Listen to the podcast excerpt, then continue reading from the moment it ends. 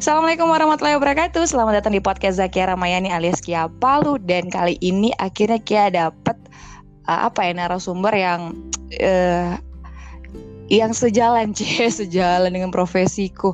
Walaupun sebenarnya sekarang lagi off juga sih sayanya ya. Nah jadi ini buat teman-teman Khususnya anak-anak teknik Apalagi yang anak-anak arsitek uh, interior gitu. Nah Kia ini ada teman lumayan bukan imbang semua lumayan. Dia udah berpengalaman banget kalau di kota Palu sih ya. Jadi langsung saja narasumbernya. Halo assalamualaikum Muhammad Yaser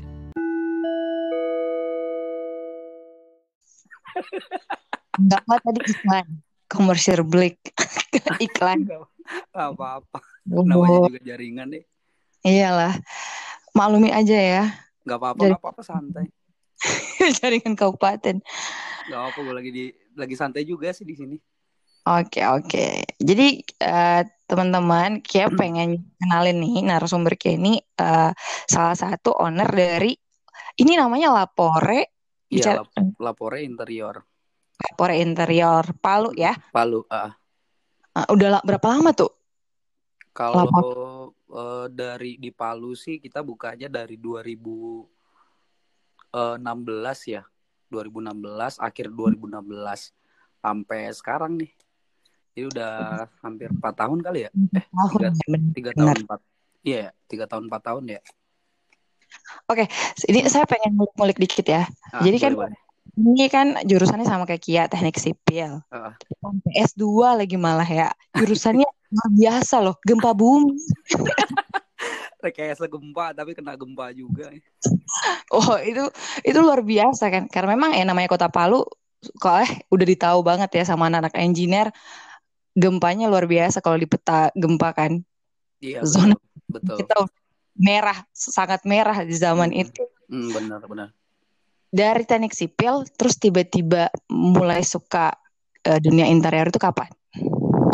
Uh, sebenarnya sih sebelum tinggal di Palu uh-huh. emang udah buka interior itu dari ini kan perusahaan keluarga ya? Oh gitu. Ah keluarga keluarga ya serta emang uh, awalnya sih memang buka di kontraktor. Nah uh-huh. karena ada beberapa owner uh, customer itu mintanya mas kok bi nggak nggak sekalian interiornya aja dibuatin? Nah dari ide itu tuh udah muncul dari tahun 2009 Oh gitu. Ah, jadi jadi jadi udah mulai kayaknya kita harus belajar deh. Tapi memang juga ada beberapa ada saudara ya seperti memang juga uh, uh, lulusan arsitek. Jadi okay. udah gak masuk sih. Tinggal belajar-belajar dikit aja gimana cara perpaduan warna dan segala macam kan udah ada di arsitek tuh. Mm-mm. Nah mungkin ilmunya mungkin agak ditambahin lagi dikit. Jadi ya akhirnya uh, ada ke Bandung sedikit belajar tentang interior gitu. Oh gitu. Tapi nah. itu uh, hmm?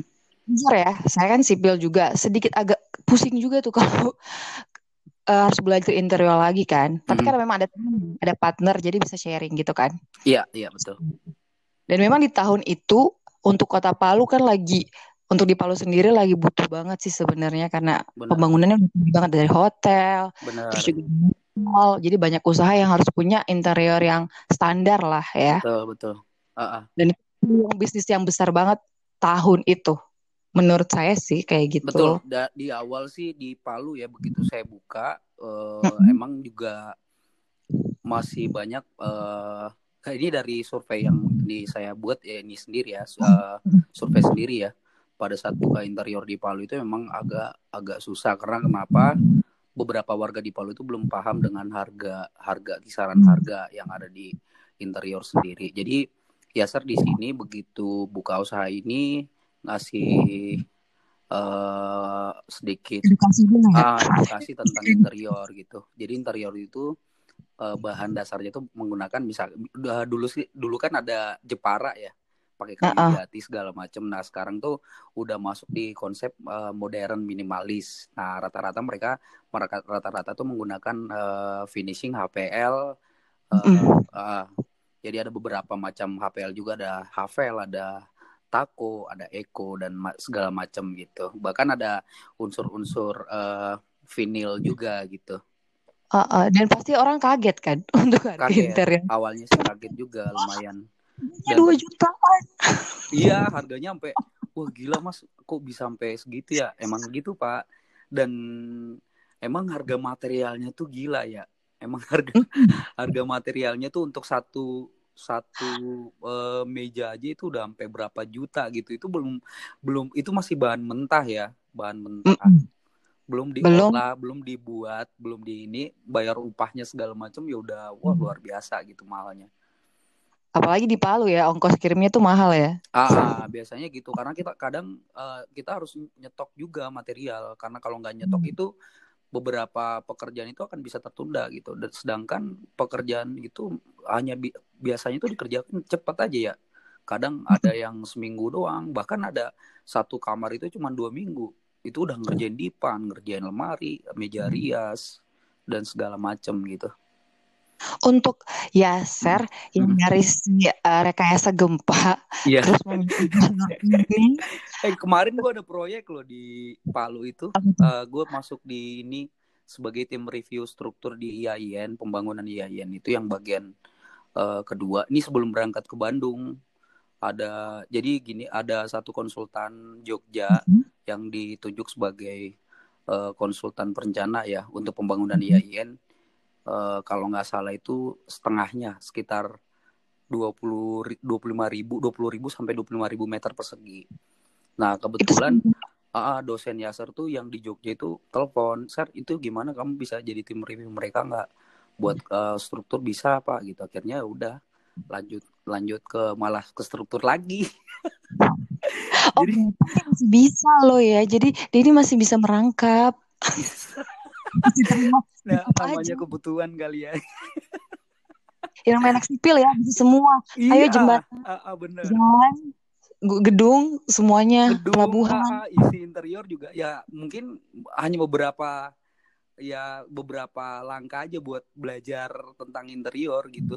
Itu udah bisa kok. Semua itu semuanya bisa kerjaan itu semuanya bisa. Kalau misalkan kita memang rajin dan tekun di bidang itu sebenarnya bahkan passion itu aku nggak ada loh. Menurut aku tuh oh, passion oh. itu nggak ada.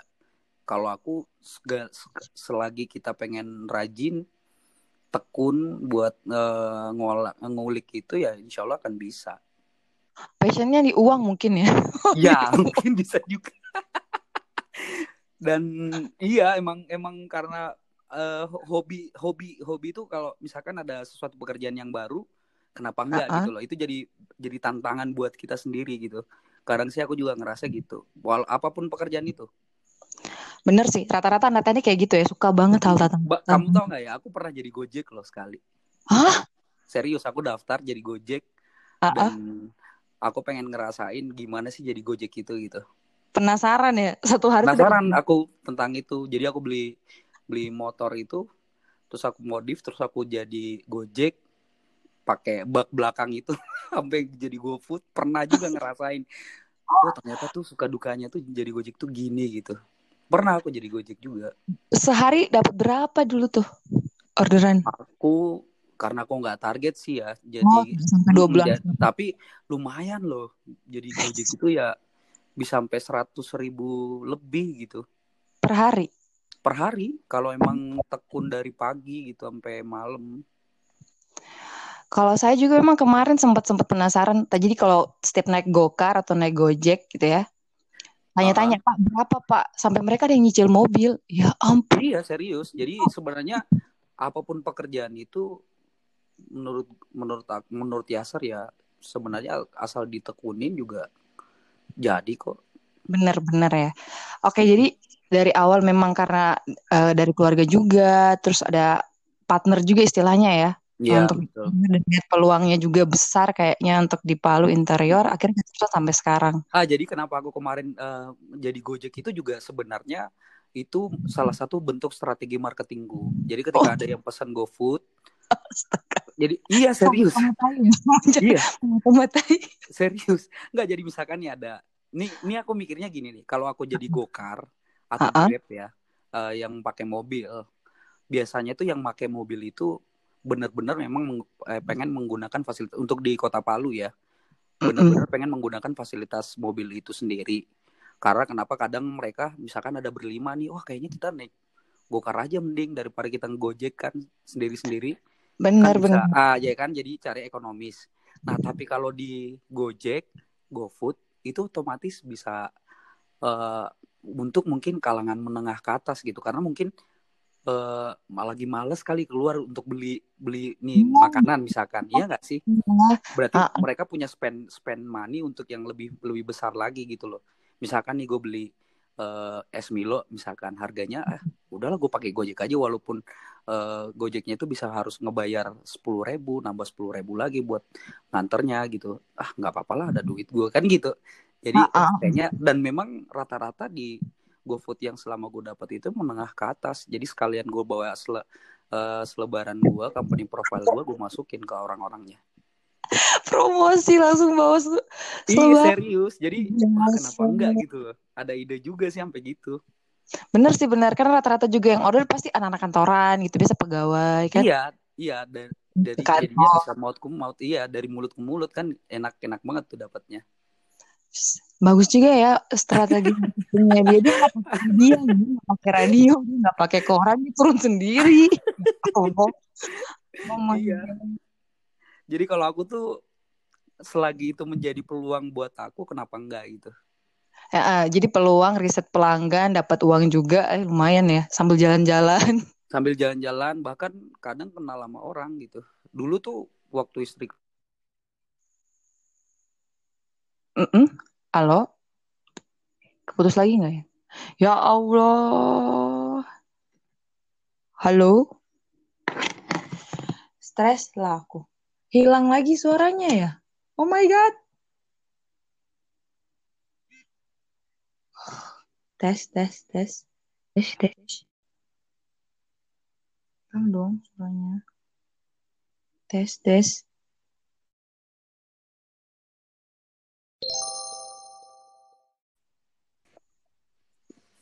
ya ampun putus lagi. dia nih jaringan lama-lama bikin emosi sudah sampai sahur nanti Enggak apa-apa, santai aja. Sahur juga lagi sendiri. Lu tahu kalau udah tahu kalau Duda pun sendiri pasti gitu tuh. masa sendiri tidak ada teman di situ Ada sih ya tukang oh mandor. Oke Ada oke juga sih sepupu di sini yang lagi kuliah di Unicom.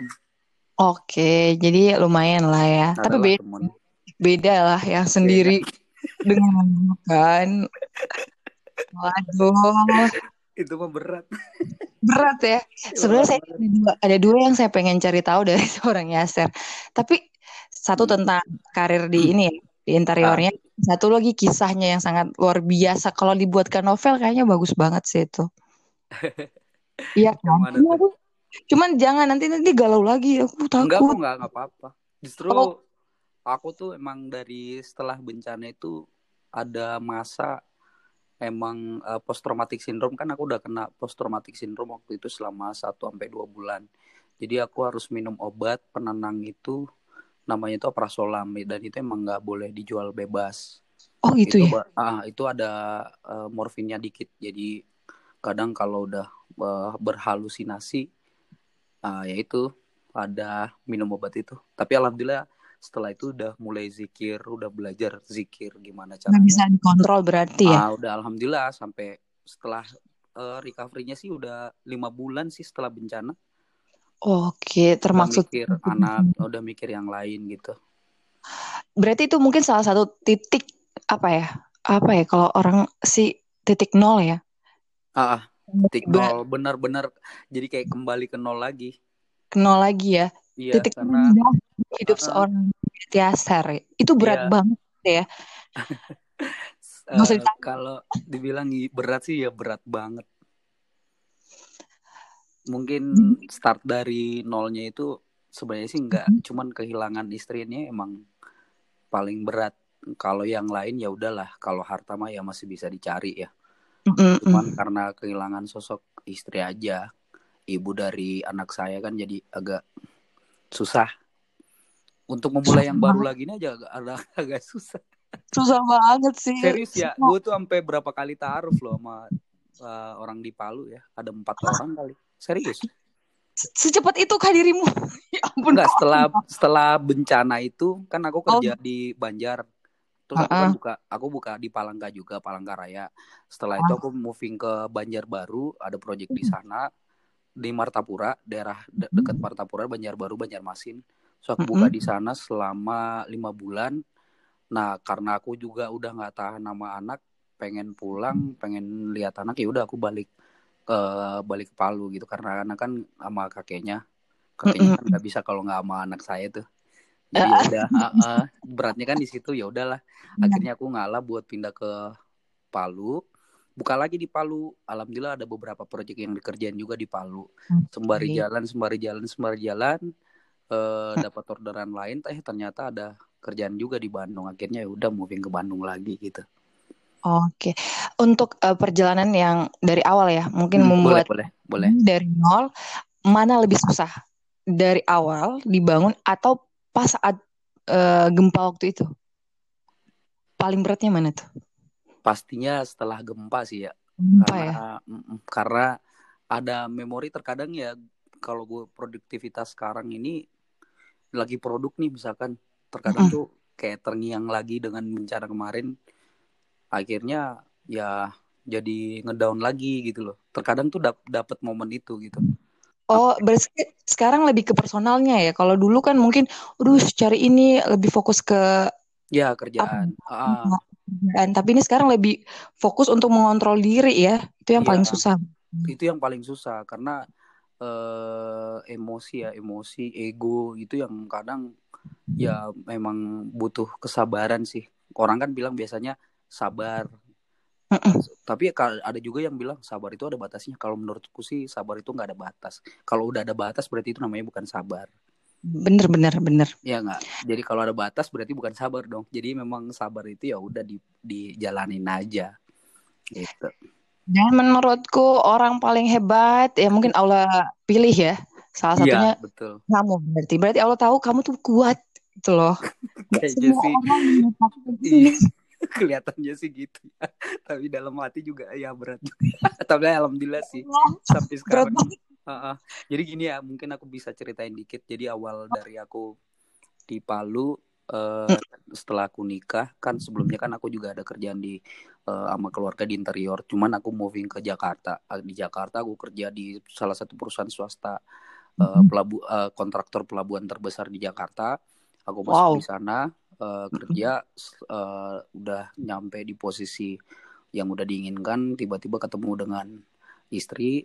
eh, Wow. ah, akhirnya ah eh, kayaknya udah pengen nikah gitu ya udah akhirnya nikah pas nikah eh, kebetulan mertua ngedukung kalau misalkan mendingan di Palu aja di Jakarta kan emang susah capek segala macam ya bener sih emang begitu aku pindah ke Palu emang eh, lumayan agak sedikit nyantai dibanding di Jakarta. Karena ya mulai dari perjalanan pekerjaan aja udah lumayan berat. Apalagi udah nyampe di pekerjaan belum deadline segala macem. Nah begitu di Palu coba buka usaha alhamdulillah lancar dengan dengan eh, sesuai dengan inilah eh, planning gitu. Buka interior segala macem udah ngasih tahu orang-orang. Alhamdulillah juga orderan juga udah wah sangat banyak ya. Bahkan tanpa putus nih orderan gue dari awal itu sampai eh Sasa lahir sampai sebelum bencana itu nggak pernah putus. Bahkan kayak Grand eh, hotel Grand Duta karaoke udah kerjain terus ada Bank Indonesia pernah ngerjain kantor gubernur DPRD provinsi udah pernah juga ngerjain. Eh, apalagi yang proyek-proyek swasta kecil-kecil yang ada satu rumah gitu. Itu sering banget udah alhamdulillah rezeki itu lancar. Begitu setelah begitu udah lancar dan alhamdulillah pada saat bencana itu memang ending project. Aku udah benar-benar udah selesai project dan masuk project yang baru. Oh, hari gitu. itu hari itu. Hari itu udah selesai masang. Wow. tanggung jawabku udah selesai pas jam sekitar jam 4 tukangku telepon aku jemput istri berangkat ke proyek aku foto mau foto pekerjaannya udah kelar. Begitu udah kelar pulang ke rumah likuifaksi Waduh. Nah, ah. pas likuifaksi itu yang Pas banget deh. ah gimana Itu pas banget andai andai kalau mungkin lambat ya.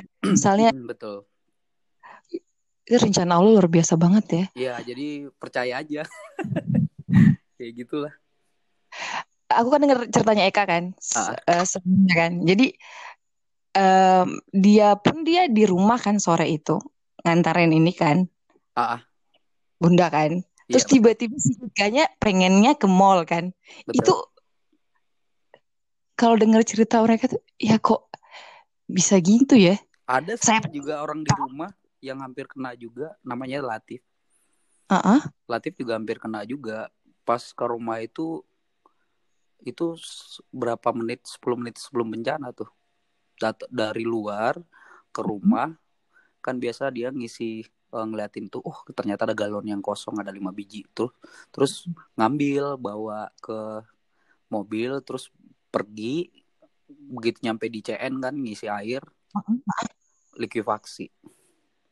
Dan dia kok kepikiran ya sampai maghrib dia harus ngisi galon gitu ya kan? itu. Ya itu makanya emang Tuhan tuh milih gitu. Allah tuh udah milih ini yang kena tuh yang ini ini yang mati tuh yang ini yang enggak tuh ini. Bahkan aku juga pada saat bencana itu di kamar itu sama eh, sama istri itu ya nggak tahu kok yang mati kok dia gitu. Padahal yang kena tembok tuh aku gitu. Yang kena tembok? Iya posisi ini ketimpa kena tembok. ketimpa tembok posisi. Apa yang kena tembok waktu itu?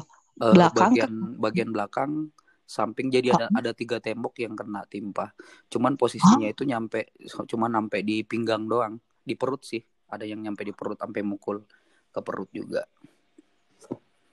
Terus itu istri posisinya di mana itu di lemari. Eh, jadi saya masukin ke dalam lemari kan ada jadi aku tuh punya di kamar itu ada lemari yang eh, lemari baju gantung ya. Jadi space-nya kan agak lumayan gede. Oh iya benar-benar. Ah, jadi aku nyari soalnya pada saat bencana itu memang kalau aku lari dengan posisi yang kayak gitu itu udah nggak mungkin. Satu hal istri hamil. Yang kedua punya anak kecil.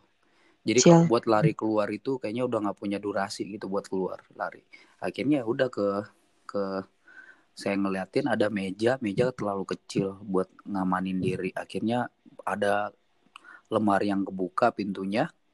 Ya udah aku masukin ke dalam sana istri sama anak. Memang ya kalau kita kan kalau di teknik udah tahu banget ya sebenarnya kan. Mm-mm. di saat gempa kita udah lihat struktur. Mm-mm. pasti pasti kita lihat struktur bangunan dulu. Ini Betul. ini bisa berapa menit kita bisa bisa keluar nggak ya lihat posisi semuanya. Dan itu masih bisa mikir loh. Eh, itu bener sih tapi itu kayaknya emang kuasa Allah. Cuman nggak bisa lagi. Aku juga mikirnya tuh bener-bener spontan ya. Dan itu kejadiannya cuma berapa detik kok? 6 sampai 10 detik. Itu memang eh, gempa. Kan saya di Palu juga kan. Waktu itu lagi di Palu juga tapi memang eh, bersyukur di tempat aku mungkin nggak ada likuifaksi. Apakah memang di saat gempa itu langsung likuifaksi bersamaan atau ada jeda? langsung likuifaksi. Wah yang di Perumnas itu ngerasanya Ya. begitu. Jadi langsung lem- eh, gempa gede ya udah. Langsung langsung rubuh. rubuh rumah langsung rubuh. Pertama tuh dari aku tuh ngelihatnya ruang tengah.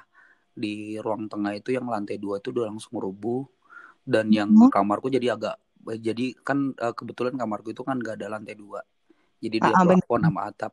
Nah habis itu langsung kebuka ada nge- udah ngeliatin atap itu udah kebuka dinding udah bengkok udah patah retak cracking kan. Ya udah begitu ngeliatin langsung lindungin kepala lindungin istri sama anak udah rubuh tembok. Kena deh tuh di bagian eh, perut sampai kaki ke bawah di sebelah kanan. Wow dan itu bertahan lama banget ya karena Eka kan sampai ke situ udah jam berapa? Jam 11 malam kalau nggak salah. Ya. Semua. wow itu Eka habis kena tsunami dulu dia ya kan? Mm-mm. ya ampun itu Eka tapi emang habis juga orang berpikiran waktu itu keluarga itu berpikiran kalau emang nggak ada eh, alat yang memadai buat ke sana. Terus ya gimana ya? Karena nggak ada alat yang memadai jadi kayaknya kita nggak usah aja deh ke sana. Tapi alhamdulillah eh, eh, Kak Eka Ipar itu dia Mm-mm. ini langsung punya punya inisiatif ya udahlah kita kayaknya harus mereka tuh masih hidup mama tuh masih hidup gitu. Yasser masih hidup Kiki masih hidup eh, Sasa juga masih hidup. Kayaknya kita harus ke sana gitu buat ini buat jemput mereka alhamdulillah sampai jam 11 tuh mereka nemuin kita Dan yang uh, si kecil Sasa dulu ya, yang diselamatin waktu Iya. itu ya. Ah, jadi pada saat itu begitu Kak, Kak Eka udah ketemu, Kak Eka langsung nyari mama lagi, papa yang ini aku minta tolong ke papa, Pak. Uh, uh, kalau bisa ada Latif kan, Tif. Coba lewat Oh, oh. bawa aku sini, kamu langsung ngambil Sasa di lemari bagian samping ini. Dia udah, aku nggak tahu kondisinya dia dalam apa. Tapi dia tuh pingsan, habis itu nangis, nangis lagi, pingsan lagi, nang- udah lama pingsannya, nangis lagi, sadar lagi, nangis, terus dia pingsan lagi. Ya kayak gitulah kejadiannya. Ya, kan anak kecil kan trauma banget ya pasti. Sedangkan orang dewasa trauma banget ya Allah kalau di saat kondisi seperti itu. Dan itu kamunya jam berapa bisa dievakuasi? Jam 11 udah evakuasi sampai jam 2 subuh. Ya Allah dua jaman ya untuk ngangkat itu ya. Tiga jam mana? Hampir hampir tiga jam lah buat ngancurin tembok sedikit demi sedikit. Habis itu uh, kakiku yang ke uh, yang paling bawah itu uh, di udah nggak mungkin. Jadi aku minta tarik aja. Soalnya aku ngerasa udah patah kan. Ternyata retak Uh-uh. doang. Oh retak. Hmm. Berarti kondisi nggak bisa jalan dong ya saat itu. Nggak bisa. Jadi cuman digotong sampai uh, ke rumah sakit Anutapura tuh sampai jam 3 sore. Waduh, sam- jalan kaki dong ya. Iya digotong sama itu sama saudara sama teman-teman juga. Ya Oh. sampai jam 3 sore.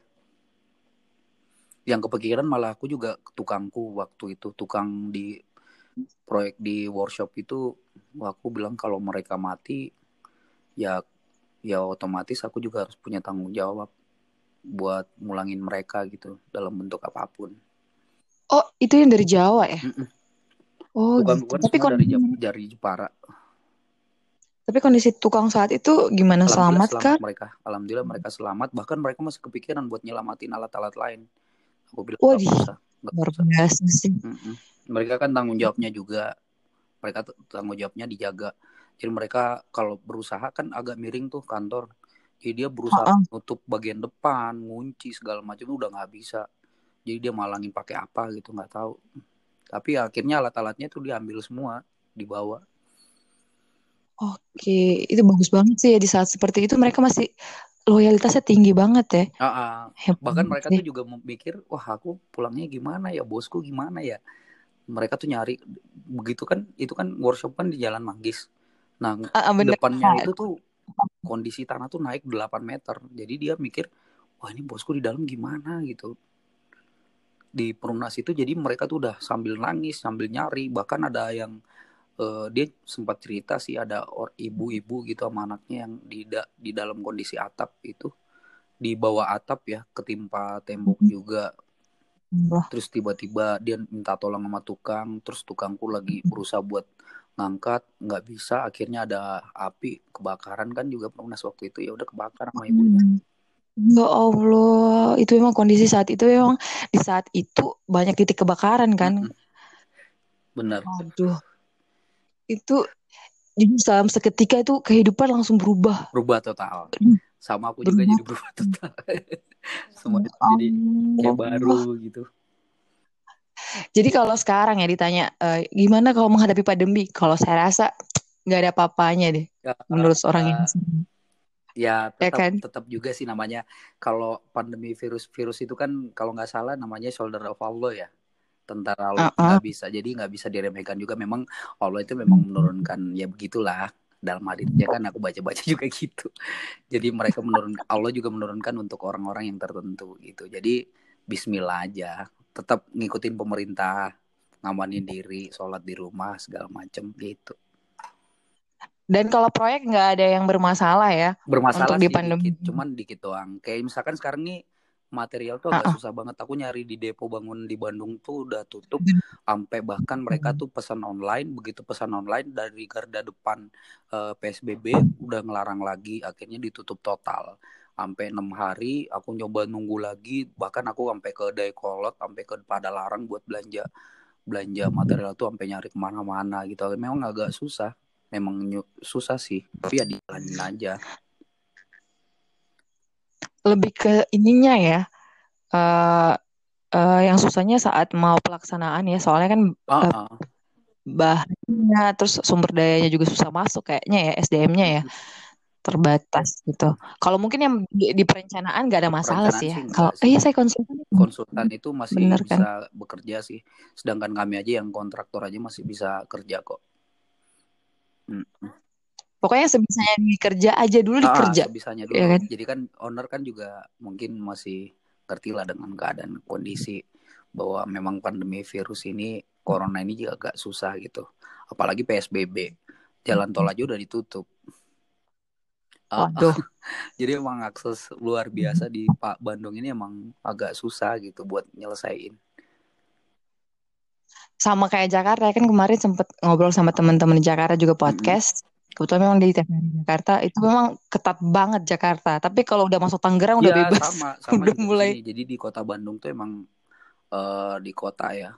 Kalau di Buah Batu kan aku di tinggal di Buah Batu Regency ini di di daerah uh, Buah Batu ya agak agak udah hmm. Soekarno Hatta udah agak uh, hampir dapat kabupaten kayaknya udah masuk kabupaten Bandung sih ini.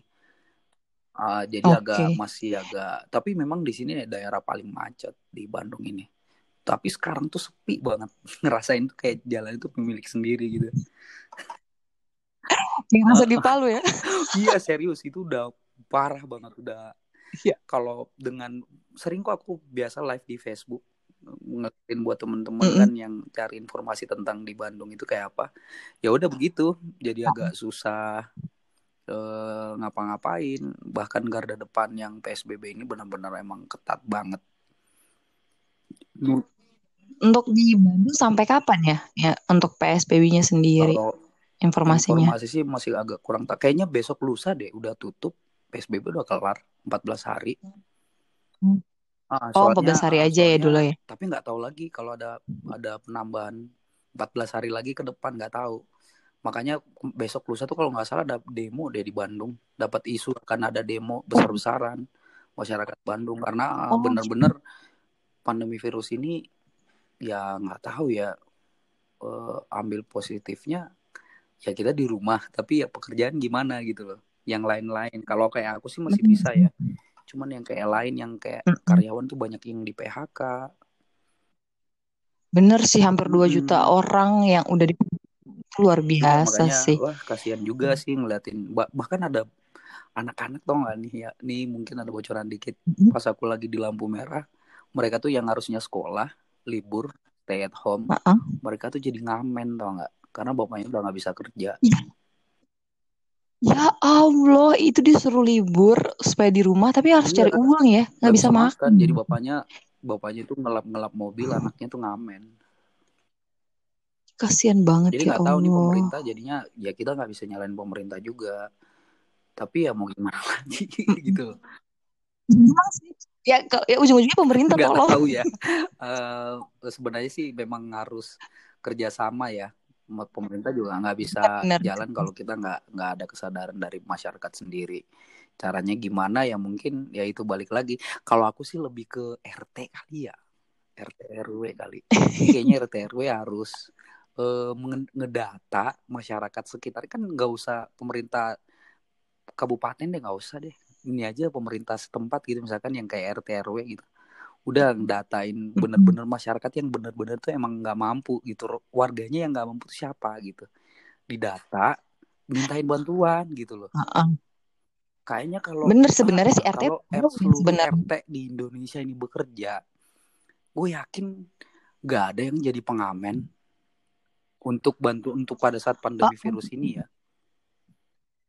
bener-bener emang teka orangnya emang keras gitu Tapi yang kebanyakan yang kayak ngekos, tiba-tiba pendatang baru itu yang tidak terdata gitu hmm. kan. Yang di kota-kota besar yang banyak yang tidak terdata seperti yang kayak gitu.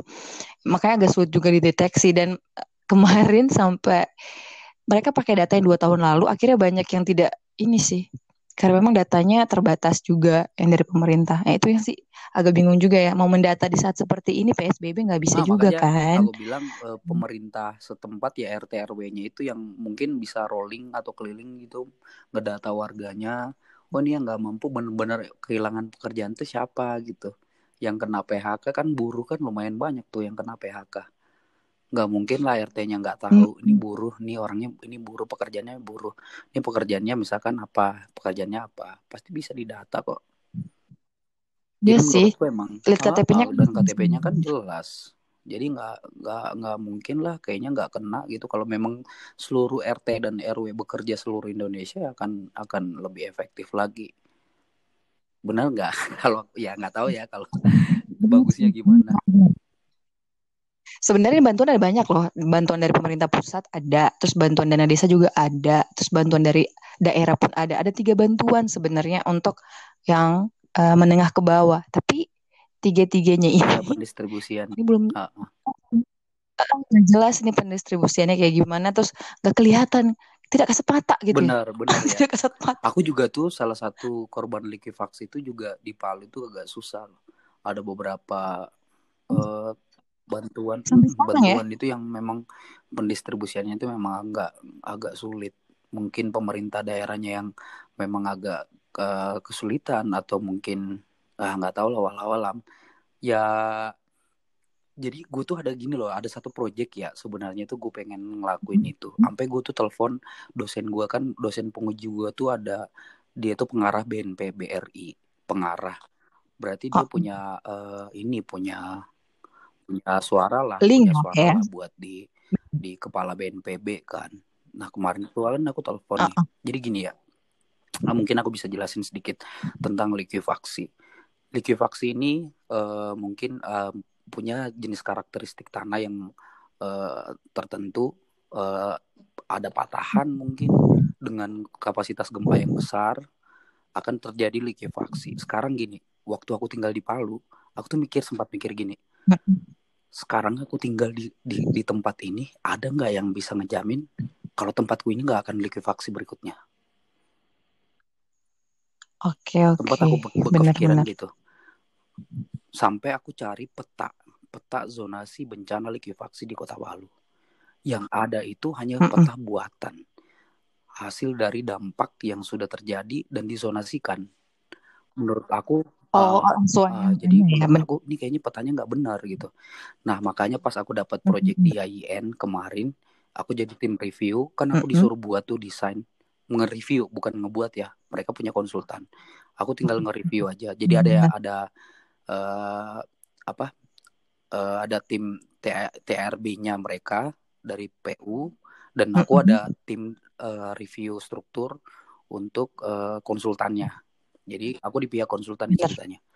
Begitu aku di dimintain buat nge-review strukturnya kan eh, strukturnya itu harus tahan gempa, tahan likuifaksi, termasuk beban-beban yang ada dalam Oke. bangunan. Jadi aku udah nge-review, terus aku bilang ini konsep dasarnya dari peta likuifaksi aja udah nggak ada pak. Di kota Palu, menurut aku belum ada peta yang bisa dijadikan dasar untuk eh, peta zonasi, mikrozonasi, mikrozonasi Mm-mm. kota Palu. Nah sekarang hidup di atas, eh, jadi kayak, kayak kita tuh ini kayak mayat hidup. Suatu saat ngebum likuifaksi kembali terjadi. Siapa yang tahu? Bukan gue Sebenarnya ya, gue gue nggak takutin, tapi ada. Iya, Tapi nggak ada was-was ya. Tahu ya. Sekarang gue tuh gue tuh belajar eh, S2 itu cuman bagaimana caranya kita ngebangun eh, gedung tahan Ah, gedung. gempa dengan eh, eh, sudah masuk di fase dinamika struktur, udah bukan statis ya. Jadi gue udah belajar itu. Sekarang likuifaksi bro, 8 meter kekeruk tanah.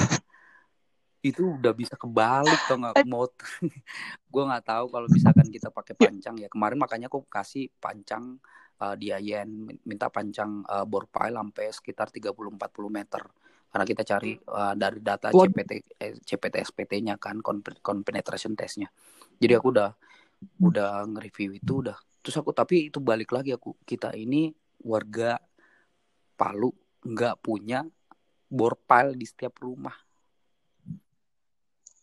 Wah, Jadi, aduh. Jadi Bener, kita bener. harus tahu peta yang utama. Nah, dari situlah gue coba ini coba eh, ngulik ke PU kan. Bu, ibu ada nggak sih peta dasar? Kalau nggak ada buat riset dong. wah itu juga agak susah mas itu dananya juga nggak ada segala macam segala macam ya udah coba aku berangkat ke Oh. Jogja aku telepon ke Jogja kepala BN eh, ke, ke apa pengarah BNPB dosen Prof ini eh, kebetulan Prof kemarin kan datang nih ke Palu ngasih penyuluhan tentang BAR jadi Prof itu dosenku itu punya eh, punya rumah konsep rumah tahan gempa di disosialisasikan di kota Palu. Terus aku bilang Prof ini nggak nggak mungkin aku bilang nggak bisa. berguna gitu. Bukan nggak guna ya tapi nggak tahu kalau likuifaksi itu. Prof likuifaksi Prof. 10 meter Prof. Tanah bisa kekeruk Prof itu bisa berubah sifat dari dari keras jadi padat dari padat jadi cair liquid. Hebat kalau pondasi yang cuman dalamnya semeter dua meter tuh masih bisa bertahan gitu. Akpar- soalnya gini aku pada saat bencana tuh aku ada di dalam situ gitu loh ngerasain. Nah jangan Ah, ah, Sedang untung aja bisa saat ini Wah, boleh lah saat ini ya udahlah aku kena. Tapi jangan sampai ke depannya ini pemerintah daerah harus punya keputusan gitu yang yang menurut menurut aku sih sih. harus tegas. Apakah kota Palu ini berapa persennya masih bisa ditempatin atau memang kita harus pindah dari kota Palu? Kan eh, eh, mungkin solusinya cuma itu kalau likuifaksi. Karena nggak ada nggak ada solusi yang lain. Iya sih, tapi Kaiser pernah baca nggak sih sebenarnya di Palu itu sejarahnya di Kaili itu udah ada tentang likuifaksi. Ada nama Mm. khususnya ya. Udah pernah ada kejadian itu dan namanya itu dijadikan tema waktu Festival Teluk Palu saat itu, ah benar ya kan? Dan memang sudah ah, dan sudah ada memang eh, kalau menurut orang tua dulu zaman dulu ada beberapa tanah yang tidak boleh ditinggali. Salah satunya di perumnas ah Perumnas itu. Ah. memang ada beberapa peta zonasi menurut orang tua dulu yang tidak boleh ditinggali karena memang sumber airnya kan besar banget kan di situ. Ada sumur di situ, terus ada apa ya? Ya, menurut Nah, orang tua dulu lah ya. Ah, jadi dari segi eh, akademis sih kalau aku ya eh, melihat jenis karakteristik tanahnya itu eh, bermacam-macam ya.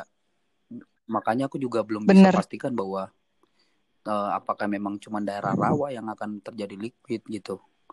Coba aja lihat daerah pesisir pantai. Kemarin, Pesisir pantai juga enggak kok. kemarin Jadi belum tentu belum tentu juga gitu loh. Jadi masih dalam tahap eh ah, masih ah, ambigu ya. penelitian. Bahkan aku sampai telepon dosen pe- eh, pembimbingku pada saat eh, tesis itu aku telepon beliau eh, Prof ini kayaknya kita harus nyari dana deh buat riset ini bagus juga share gimana ini, ini, ini. aku tuh nanti aku buatin ini ya proposal nanti kamu bisa masukin ke UNDP aku bilang ini ya iya pak. Soalnya eh, Prof eh, soalnya di Palu ini eh, UNDP lagi berkantor nih kan. Kayaknya kita punya peluang deh buat masukin dan min- permintaan dana proposal ke sana gitu. Seharusnya malah orang geologi. Cuman kan kita bisa karena kita kan eh, di S2 itu kan ada belajar membuat peta eh, hazard eh, jadi bencana gitu. Eh, ada mikrozonasi makrozonasi kita udah pernah buat. Jadi makanya kayaknya kita bisa deh ngajuin. Tapi nggak tahu kalau pemerintah da- daerah mau support juga.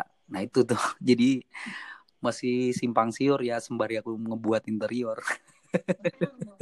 Itu niat, itu niat terbesarnya seorang Yasser ya, akan membuat sebuah peta. enggak itu cuman impian aja. Soalnya gini aku punya anak eh, punya keluarga juga di iya. Palu punya ipar punya ya jangan sampai Dan punya dan pengalaman, punya dan punya pengalaman pengalaman. pastinya. Dan eh, aku kalau bisa ya jangan Aduh. kenal lagi gitu loh. Karena siapa yang tahu? Nggak ada yang tahu. Hmm. bahkan peneliti sampai sekarang pun belum ada yang ngerti kapan gem, bumi, eh, gunung merapi meletus gunung berapi. Ada gunung merapi. Aku pernah ngerasain waktu aku kuliah di Jogja itu pernah ngerasain juga Oh, iya, eh, iya. gempa bumi apa eh, gunung merapi meletus itu pernah ngerasain juga dan mereka itu nggak ada yang bisa memastikan. Di situ range-nya itu antara 4 sampai 6 tahun. Tapi sekarang udah 10 tahun. Udah berapa tahun nih? Jogja eh, udah 10 tahun ya? Eh iya ya. Dua- udah 10 tahun loh. Jogja ini belum meletus nih merapinya. Ya namanya Nah, semua kan rekayasa sih. makanya Kita setidaknya ada Pasti. eh, ada ilmu pendekatan-pendekatan yang bisa kita pakai buat asumsi-asumsi pendekatan yang bisa kita gunakan Hmm. buat peta mikrozonasi hazard untuk uh, likuifaksi di kota Palu. Bener nggak sih ya? Kayaknya ya nanti hubungi sama dosenku soalnya dosenku uh, beberapa bulan kemarin mereka sempat meneliti sendiri loh bawa alat sendiri loh mereka kayaknya mau buat itu cuman mereka tidak mau jelaskan secara Mm-mm. detail pakai anak-anak semua mahasiswa teknik sipil dibawa anak-anak geoteknik semua Mm. dibawa. Karena memang mau cari tahu itu sih sebenarnya apa penyebabnya likuifaksi dan jenis-jenis ciri-cirinya ya ciri-ciri tanah yang bisa resiko itu kan. Tapi nanti aku aku kasih tahu sama dosenku mudah-mudahan nanti bisa ketemu sama Yaser. Siapa tahu punya ide Iya, yang sama. aku pernah kok ketemu Mungkin dosennya tanya kayak ini eh, Kia, dosennya Kia itu kemarin pas jadi Apa? jadi tim eh, TARB untuk pembangunan IAIN. Eh, Pak siapa? Aku lupa Pak siapa yang agak eh, kecil-kecil gitu, rambutnya agak pelontos, pakai kacamata. Ah, ah, kecil-kecil rambutnya agak pelontos, bos terus eh, terus pakai kacamata. Dia dosen Untat kok. dosen untat banyak banget dosen ahli untat ya. Allah ahli gempa. Coba kalau deh, ahli gempa itu namanya kalau siapa? bukan Pak Ketut kalau ahli gempanya kita itu Pak Ketut ya tapi orang Bali. Pastinya orang Bali lah. Terus ada juga Pak James dia Cina. Ah, Pak James. Ada ada Pak Agus Rifani ada Pak Arif Ih, banyak banget sih. Lupa sih namanya siapa. Aku pernah email beliau kok waktu itu. Aku ada desainnya, desain iya ya kalau mau ngeliat nge-review nge-review dikit. sip sip nanti mudah-mudahan ya eh, impiannya Amin. Yaser itu terwujud ya dan itu juga anak-anak nih tinggalnya di sana di Palu. benar Takut ya. dan mereka masih ada yang berani tinggal di tempat itu loh Ya, itulah kesadaran Iya kan? dari dan mungkin ketegasan dari pemerintah daerah juga. Aku tuh kamu tahu ini nggak ya yang di Jalan Cemara itu yang masjidnya sampai rubuh itu dibangun Uh-uh. kembali loh. Dan itu da atas dasar bantuan dari bank apa gitu. agak bingung juga loh sih. Sebenarnya kan kayak kemarin mereka tidak bisa pindah juga. Tidak ada lokasi yang dikasih gitu loh. Mereka mau pindah ke mana? Itu yang buat bingung juga Bener, aku aja ini mau apa dapat bantuan eh, rumah aja belum tahu nih jelasnya kayak apa. Terus nanti dapatnya pasti jauh banget ya, Ya, alhamdulillah Jauh kalau banget. dapet ya. itu aja dia dipikirin dulu kalau misalkan dapet ya alhamdulillah gitu. Karena pendistribusiannya susah. Aku tuh sampai daftar tuh berapa kali ya? Empat kali kalau nggak iya salah pendataan pendaftaran tuh. aja. Ada dari eh, Pendaftaran dari berkali-kali. eh, Yayasan Buddha Suci yang ngasih dana itu dari Jack oh Ma. iya itu yang rumahnya di belakang Unpad kalau nggak salah sih Hmm, kalau nggak salah ya 2.200 rumah kalau nggak salah. Agak lupa juga sih ya. Udah lama aku waktu buat minta ininya minta eh, ngajuin permintaan itu.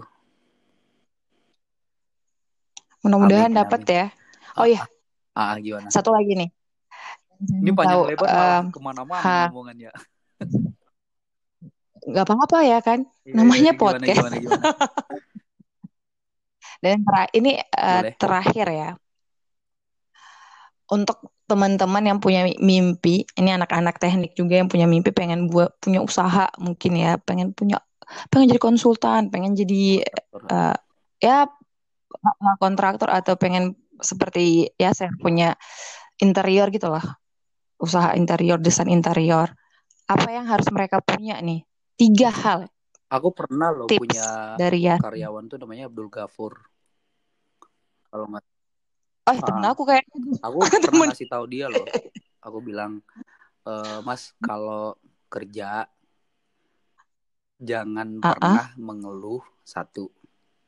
Yang kedua, apa yang ada kesempatan jadikan pelajaran. Apa pun yang kita ada di Ah, ah. ada apa pun yang ada di depan kita jangan pernah tidak dijadikan pelajaran. Karena itu semua peluang. Menurut aku itu semua peluang. Jadi kalau buat teman-teman yang pengen bangun usaha, jangan pernah mikir bentuk usahanya apa, lakukan, tekunin, insya Allah Allah nggak akan menutup mata kok untuk ngelihat hasilnya seperti apa nantinya. Apa pun pekerjaannya bener-bener pekerjaannya mau itu dalam bidang apa pun tekunin aja rajin aja. Jangan pernah patah semangat bener-bener iya. bener banget ya. Kejual baju Dan... nggak mudah tapi kalau dilakuin dalam bentuk apa pun kita akan mengerti gimana cara memarketkan uh, jualan kita. Banyak aku juga teman punya teman di sini di Bandung yang jualan baju. Iya Bandung kan? Iya tempatnya fashion lah. Ada kok mereka. Ada teman loh aku juga uh, ya ini di di uh, Pak waktu kecil itu teman ini lumayan begajulan karena bapaknya udah meninggal. Sekarang tuh udah paling sukses di kota Makassar yang jual seratus ribu tiga. Baju. Itu sampai buka di konveksi wow. di di Bandung itu udah paling udah lumayan gede. Dan ini dekat dari tempatku. Aku udah pernah ngobrol-ngobrol sama beliau. Ya itu kembali lagi bahwa wow. orangnya nggak sekolah. Cuma tamatan SMA kalau nggak salah. Tapi karena memang beliau rajin jadi makanya aku bilang tetap kembali pada uh, prinsip ya. Jangan ya, semua sesuatu itu diambil pelajaran. Uh, jangan pernah mengeluh tekunin kerjain just do it. Kalau talk, talk less dumor lah. Gak usah banyak uh, omong masalah gimana gimana nya lakuin aja jalanin. Menurut gue itu orang. Jangan gimana? salah ya. Pokoknya jangan, jangan takut salah jangan, jangan takut ini. loh. Pernah rugi pernah oh, dalam gitu. satu proyek itu malah gue ngebiayain proyek itu ada Iya, Waduh. tapi nggak apa-apa. Nggak apa-apa. Dari situ kita bisa belajar. Oh, bahwa oh ini nih yang nggak boleh nih. Oh, ada faktor X lagi gitu loh. Oh. Oh, ada faktor X lagi. Bahkan aku punya bahkan ada dulu proyekku itu keuntungannya cuma 5%. Nggak apa-apa. Kita ngelakuin aja dulu. Alhamdulillah kalau ada keuntungan gitu loh. Jadi banyak ya itu bahkan aku juga pernah kan untuk dengar mungkin Kia juga pernah uh, dengar loh kalau aku buka warkop yang ya, uh, itu belum sih. Aku buka warkop itu mulai dari setahun gak ada yang ngisi ya. Tapi aku tetap lakuin. Tiba-tiba komunitas aku ternyata warkop itu butuh komunitas. Jadi aku bangun komunitas itu di Palu dan alhamdulillah omsetnya tuh bisa nyampe 15 juta. Bukan ini bukan omset ya, keuntungan. Wow. Itu dari cuman jualan kopi, ya? nggak ada menu lain serius ya, ya ampun. dari menu nasi Ternyata, goreng aku ya. jual segala macem tuh kayaknya aku stop dan aku coba buka kopi aja dan aku ngasih fasilitas full di yes. Iya dalam warkop itu ada yang minta apa aku sediain Bener. dan alhamdulillah pendapatan itu sampai mamanya Sasa itu ngerti banget tuh sampai 15 juta per bulan itu di luar dari gaji ya di luar wow. gaji segala macam kebutuhan ya lumayan lah aku cuma duduk-duduk aja udah dapat duit segitu gitu tapi setahun loh butuh perjuangan, ya, enggak, pergerakan, juga, kesabaran. Ya makanya aku bilang uh, nggak kalau misalkan cuman putus asa di situ aja udah selesai. Nggak yes, iya nggak mungkin lah roda itu berputar kok. Insya Allah juga nggak Allah juga ngelihat nggak nggak nggak nggak nggak menutup mata untuk ngelihat ini apa nggak ngelihat kita seperti apa bentuk usaha kita segala macam ya berdoa ya Insya Allah mah jalan gitu sesuai uh, uh, usaha kita ya. Uh, uh, Pasti kita uh, apa pengen kita usaha. Aku juga sekarang ini lagi pengen cari usaha bentuk usaha-usaha lain selain interior. Serius. Wah ini, ini memang luar biasa dia nih ya. Dia sih cari perlu kalau ada peluang langsung disikat. Peluang itu cuma datang sekali kalau menurut aku. Gagal ya yes, iya lakuin sih. lagi dalam bentuk apa pun. Tapi memang aku lagi bener-bener cuma yang ngeliatin dulu. Oh ini kayaknya ini bener deh. Tapi aku uh, harus menyesuaikan dengan uh, pekerjaanku kan wah ini kayaknya emang nggak su bahkan aku pengen ngegrab loh ya begitu nyampe di Palu kok jadi pengen grab karena kadang tuh aku punya waktu itu kebuang gitu hmm, oh iya dalam bener, satu hari bener. Itu, rugi juga sih ya dulu sebelum ada kalau ada mamanya Sasa waktu dulu mah ya enggak memang waktu untuk keluarga tapi sekarang ini karena ngebujang jadi bener-bener nggak tahu nih mau apa lagi uh, kayaknya Yasar dia nggak mau sendiri deh. Pokoknya dia kalau dia berusaha untuk tidak ingin uh, Serius sepi ya, ya? sendiri. Iya, Harus melakukan. Bener itu. Ya, Aku tuh nggak nggak bisa loh kalau nggak ada dulu tuh waktu makanya aku bilang aku nyesel nikah. Nyeselnya itu kenapa nggak dari dulu gitu? Kenapa harus kemarin baru ternyata tuh nikah tuh enak banget gitu.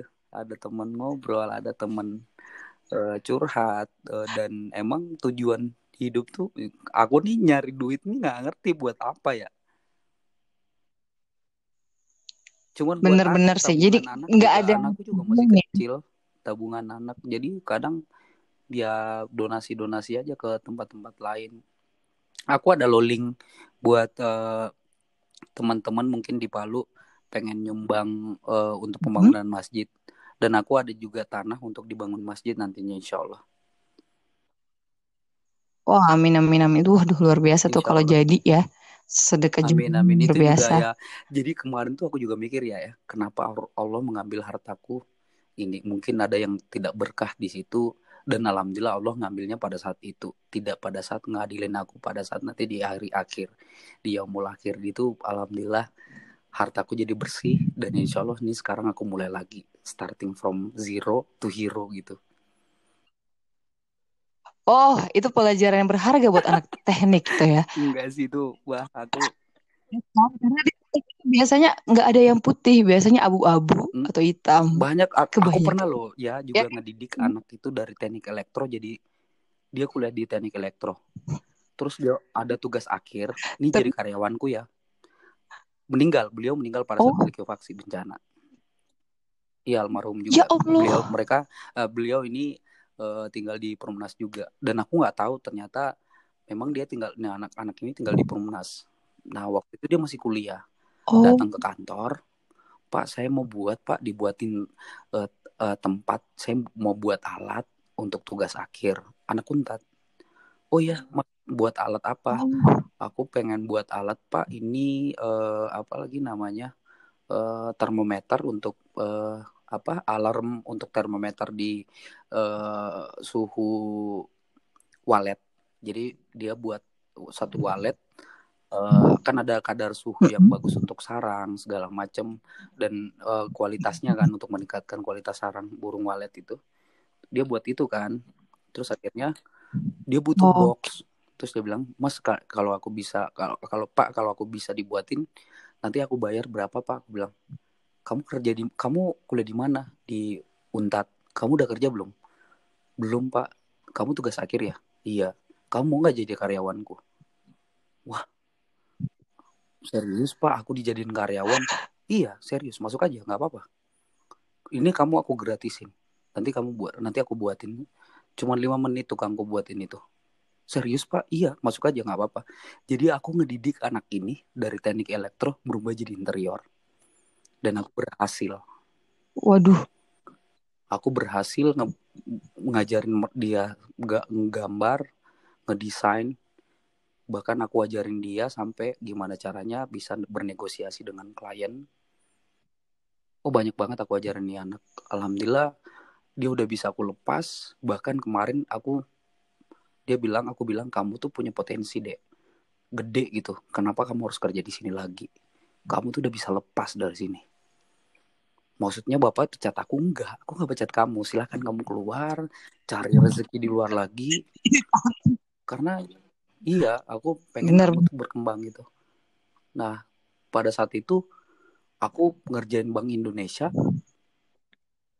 eh, dan ketemu kepala BI dan aku bilang Pak saya punya karyawan bisa nggak dimasukin ke BI oh iya Mas lagi ada ko- kekosongan untuk K3 jurusannya apa? Elektro kayaknya boleh aja deh Pak. Dia tinggal ngambil sertifikat K3 boleh Mas.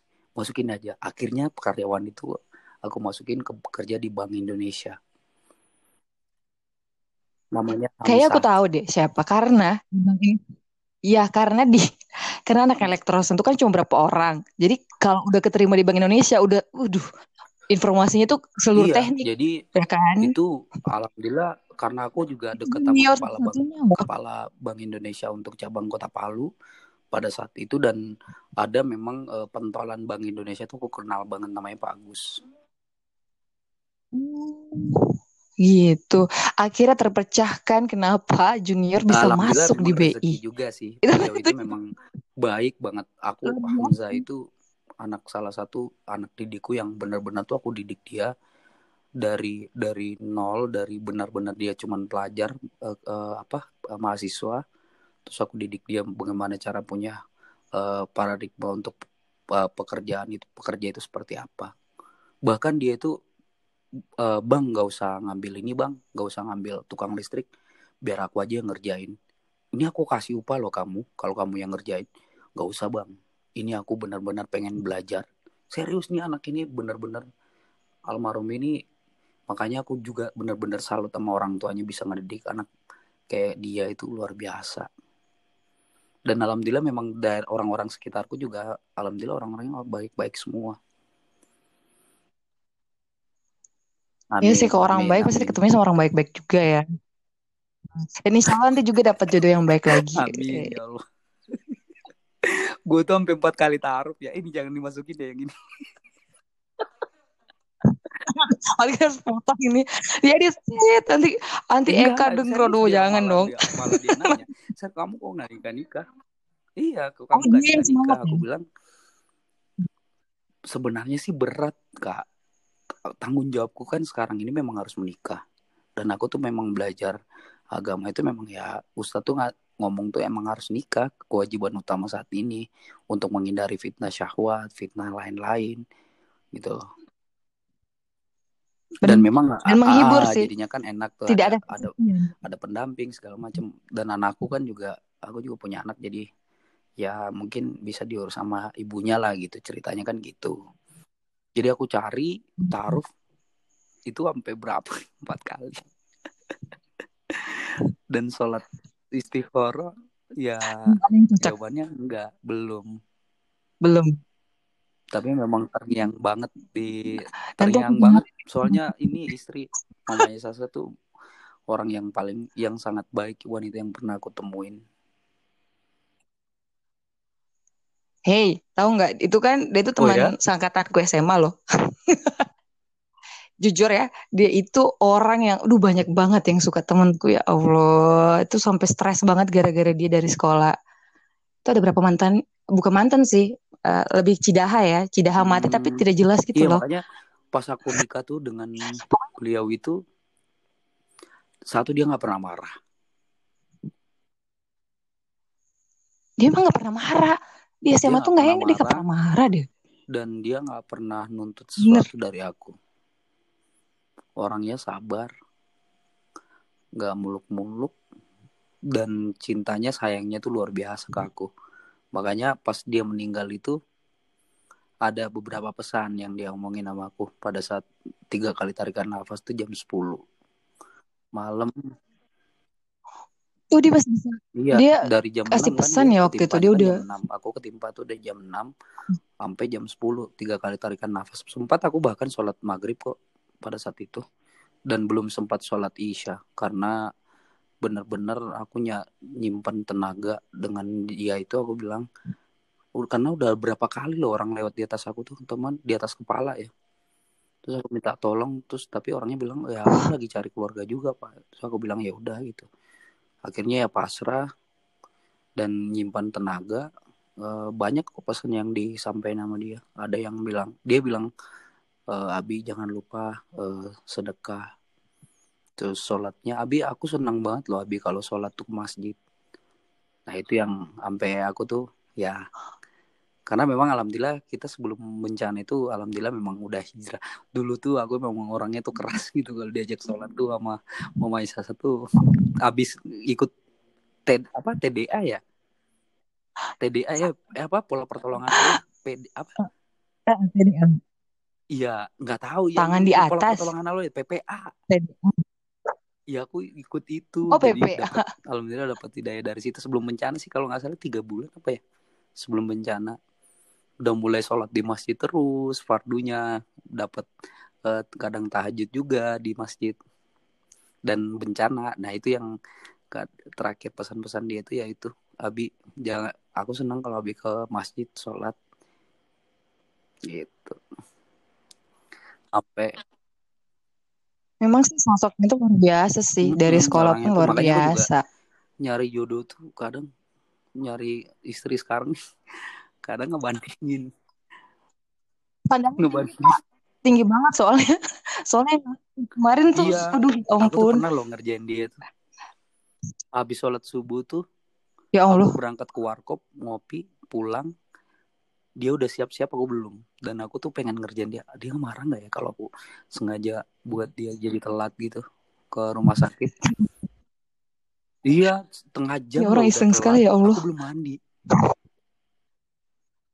Enggak. Terus dia tidak marah? Dia cuma bilang Abi itu bajunya di atas kasur udah siap. Dia nggak pernah ya Allah nyinggung aku jadi juga. Nggak berani dia. Maksudnya dia karena dia menghargai banget seorang sosok suami gitu. Jujur ya waktu SMA sampai itu tidak ada yang percaya kalau dia tuh kakak adik sama Eka. Kita ya itu Eka ya? Kita tuh mikir gitu adanya Eka ya? Kok beda ya? Satunya tuh pendiam pintar. Kan Kiki pintar juara dia ikut Olimpiade juga kan? Olimpiade kimia kalau nggak salah ya? Kan dia memang ah. dia suka biologi atau kimia wah ini, ini pintar. Tapi kok dia sampai saya lulus masa sih? Dia tuh kakak adik sama Eka. Eka kan juga senior dulu terkenal banget tuh. Beda udah beda beda dunia sih. Eka itu kan lu sama-sama anak-anak hits. Adanya Pasha gitu kan. Dia nongkrong sama orang-orang hits semua. Ini Kiki. Dia kan nongkrongnya sama anak-anak IPA kan dia IPA 3 ya pokoknya anak-anak yang ini aja yang suka belajar. itu oh dia dia di Bandung itu ya ini eh, orangnya ya pendiam memang. Dia ngomongnya itu emang pendiam. dan gitu suaranya tuh tapi begitu udah udah nikah ya ternyata orangnya asik banget. Dan emang oh, sayangnya tuh luar biasa dia. Ke aku tuh luar biasa. Nggak bisa di diukur lah ya aku nya aku jadi susah ya carinya ya karena kota kan karena ada be- beberapa pekerjaan yang harus aku kerjain di luar kota. Jadi kayak misalkan aku ke Jakarta tiga hari tuh dia udah telepon tuh Abi pulang dong udah tiga hari nih. Abi nggak ada di rumah sepi pulang ya. Ya. Ya kalau pulang jadinya yang harusnya seminggu jadi tiga hari. Iya karena karena kan waktu aku nikah tuh ya ya kan aku di ngasih pilihan tuh apa aku pindah ke Palu atau tetap kerja di Jakarta? Karena di Jakarta ini kebetulan aku baru pengangkatan jabatan. Ini jangan sampai aku peluang banget kan. Sampai juga direk, direksiku di di kantor juga ngomong Pak Heser tolong dipikirin baik-baik gitu. Terus aku mikir kerja untuk istri kerja untuk anak.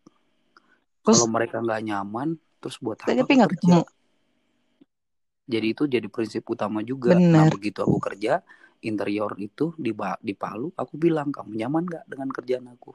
Dengan kondisi aktivitas aku setiap hari seperti ini? Nyaman Abi. Justru enak banget. Kadang kalau aku butuh Abi Abi selalu ada gitu. Nah itu tuh jadinya eh, siapa? Jadinya ya alhamdulillah gitu. Ternyata kerjaanku nggak mengganggu kenyamanan keluarga yang terutama yang paling penting mah itu. Dan bersyukur memang nggak di Jakarta. Serius? Akhirnya iya bisa menikmati Jakarta waktu juga yang Act to Five Act to Five kan. itu bener-bener aku tuh nggak bisa nggak nggak ada istirahat buat nggak kerja. Act to Five dari jam 8 sampai jam 5 tapi sebelum itu aku berangkat kan aku tinggal di Bekasi. Berangkat dari Bekasi ke Jakarta Jakarta Selatan kan kantorku di Jakarta Selatan. Itu aku udah starting dari Jakarta dari Bekasi itu jam 5 subuh yang ya nyampe kerja pasti nyampe ya di, orang di, Jakarta di tuh Jakarta Selatan itu jam 8 pagi. Baru nyampe. Berarti benar ya keluar iya. matahari nah pulang nggak lihat matahari. itu kalau jam 5 sore aku belum bisa karena macet banget. Jadi kadang aku eh, apa main ke mall sama teman. Paling jam 9 ah, nunggu macet jam 9 nunggu dulu ya. aku bisa pulang makanya eh, di kantor itu ada mes juga. Di kantor itu dikasih di, ada fasilitas mes juga. Cuman kan ya namanya tinggal di mes itu ya kerja di kantor ketemu iya teman benar sih. begitu pu- pulang juga masa di sama teman lagi gitu. Ya kadang malah bahkan aku bolak-balik Bandung. Setiap Sabtu Minggu aku bolak-balik Bandung. Jadi Ya jadi kalau aku dari Bandung hari Minggu, kerja hari Senin, jam 2 subuh Senin, aku udah berangkat ke Jakarta. Berarti Iya, selama pacaran tuh bolak-balik Bandung dong ya? karena eh, beliau juga Waduh. eh, begitu masih eh, ini ya habis habis sumpah dokter terus mau ke ke Palu itu setelah itu kayaknya udah mulai internship deh di Sigi kan dia internship kan di daerah Oh. Kabupaten Sigi itu. Nah setelah itu kan aku baru nikah Mm-mm. gitu ceritanya gitu. Wih, kayak aku mau buat novel deh. Tapi was gone semua udah hilang semua. Iya, Eh nggak ada yang sia-sia. Ya Ya Allah. begitu tinggal kenangan aja. Tapi itu cerita bisa Aku untuk Sasa juga nanti sampai besar kan dia tahu. Jadi aku udah simpan semua. Jadi data-data di iCloud dia tuh tetap aku simpan save semua. Semua datanya tuh udah aku amanin semua. Bahkan nomor HP-nya aku ngambil di Grapari, ngaktifin kembali. Aku telepon semua temennya, soalnya aku tuh telepon semua temennya. Eh, aku tanya kamu dia punya utang nggak, dia Oh. punya salah nggak. Kalau terus semuanya alhamdulillah temennya bilang bahkan kami punya piutang, kami punya kami kami berutang sama dia. Aku bilang nggak usah dibalikin itu jadi amal jariahnya dia aja. Kalau kamu tanya itu ada utang Iya, enggak? Dia kan tuh suka gitu. kasih Tapi kan utang aku dari harus SMA.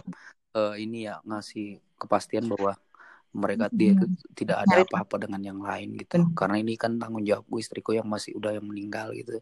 Jadinya begitu. Alhamdulillah juga pada saat masih hidup juga kita saling support. Iya sih sering lihat bareng-bareng terus nih, Karena cuy. dia telepon lagi, Abi di mana? Di kantor. Abi Ami ke kantor ya Mas Sasa, ayo aja aku jemput. Jemput lagi. Jadi emang ya, sulit ya cari pengganti karena standarnya tinggi Iya, banget sih. teman-teman tuh juga gitu. Kadang tuh kayak ngeplak dari belakang gitu loh teman-teman di Palu tuh. Eh sadar, dia itu cuma satu di dunia. Gak ada. Lu nyari yang gimana juga gak Bener. bakal dapet. Terus aku bilang, ya aku percaya sama Allah. Kamu Akan ada orang yang baik tapi tidak Iya. baik dari ya tidak bisa dibandingin sama sih. Kan orang beda-beda. Siti Khadijah ke Aisyah. Aisyah juga punya eh, Aisyah radhiyallahu anhu juga punya ke- ke- keunggulan masing-masing gitu. Walaupun walaupun eh, iya Iya jujur. Rasulullah Jadi juga sangat merindukan sosok Siti Khadijah itu.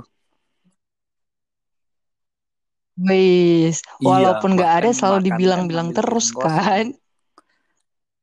Aisyah nanya, eh, eh, Aisyah nanya buat Bener, siapa? Buat kurban Khadijah. Jadi kayaknya teman-teman kalau dengerin podcast Kia, Jangan di, loh, kalau ada ya yang harus buk dikat dikat ya ya. Soalnya aku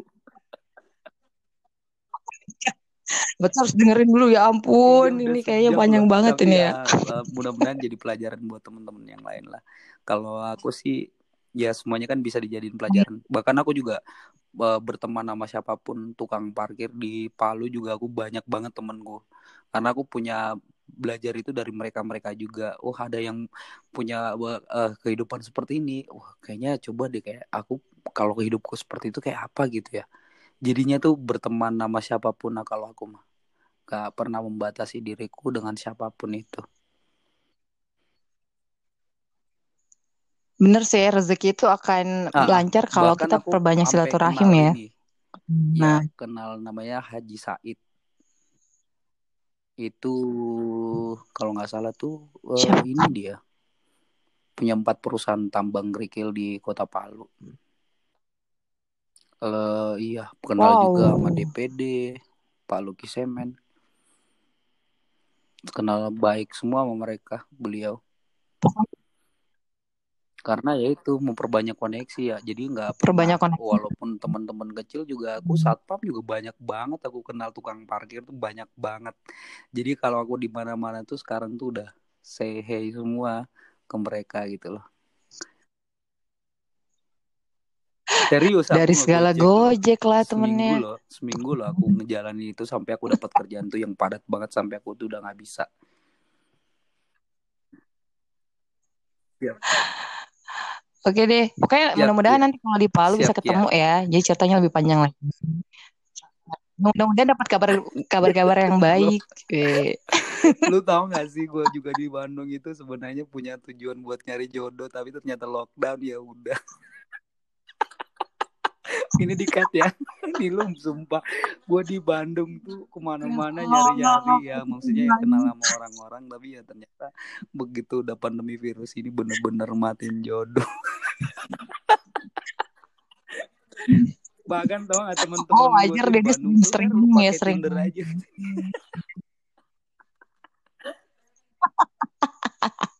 Berarti niatnya gua tuh ternyata ya. Besok alhamdulillah gue dapat proyek juga di Batam. Insya Allah setelah Bandung ini gue akan berangkat ke Batam juga dulu nanti. Nggak tahu deh. Kayaknya di Nggak Batam deh akan dapat Makanya tuh. juga. Lu tau gak sih teman-teman di Palu tuh gila loh. Ya, gila loh. Dia tuh Ser, gue ada temen nih, nah perawat gimana? Mau nggak? Capek hidup gue tuh sampai di rumah sakit Onotopuro tuh gue tuh sampai terkenal banget tuh orang nyari jodoh. Ya om. Eh tapi bersyukur loh karena jarang loh ada orang seberuntung kamu dikenalin ke semua orang. Ini banyak yang masih jomblo. Gua, Jomblo gua temanku. Nggak ada yang ya, kasih kenal, kasihan. terakhir tapi kayaknya lu kata aja deh. Gue dapet ini ada juga yang dikenalin sama temen ini. Siapa? ada orang Arab ya dikenalin gini gini gini gini itu. Aku bilang stop deh, gila ini teman-teman gue tuh parah banget gitu nyari nyariin tuh sampai ban sampai tuh mereka tuh emang emosi eh kamu tuh nggak nikah ingat enak banget malam Jumat ya aku dikerjain sama teman-temanku di Palu tau nggak bilang apa mereka Ser, gue balik ya. Loh, cepet Ya Allah. baliknya. Ya gue ada istri. Lu gimana?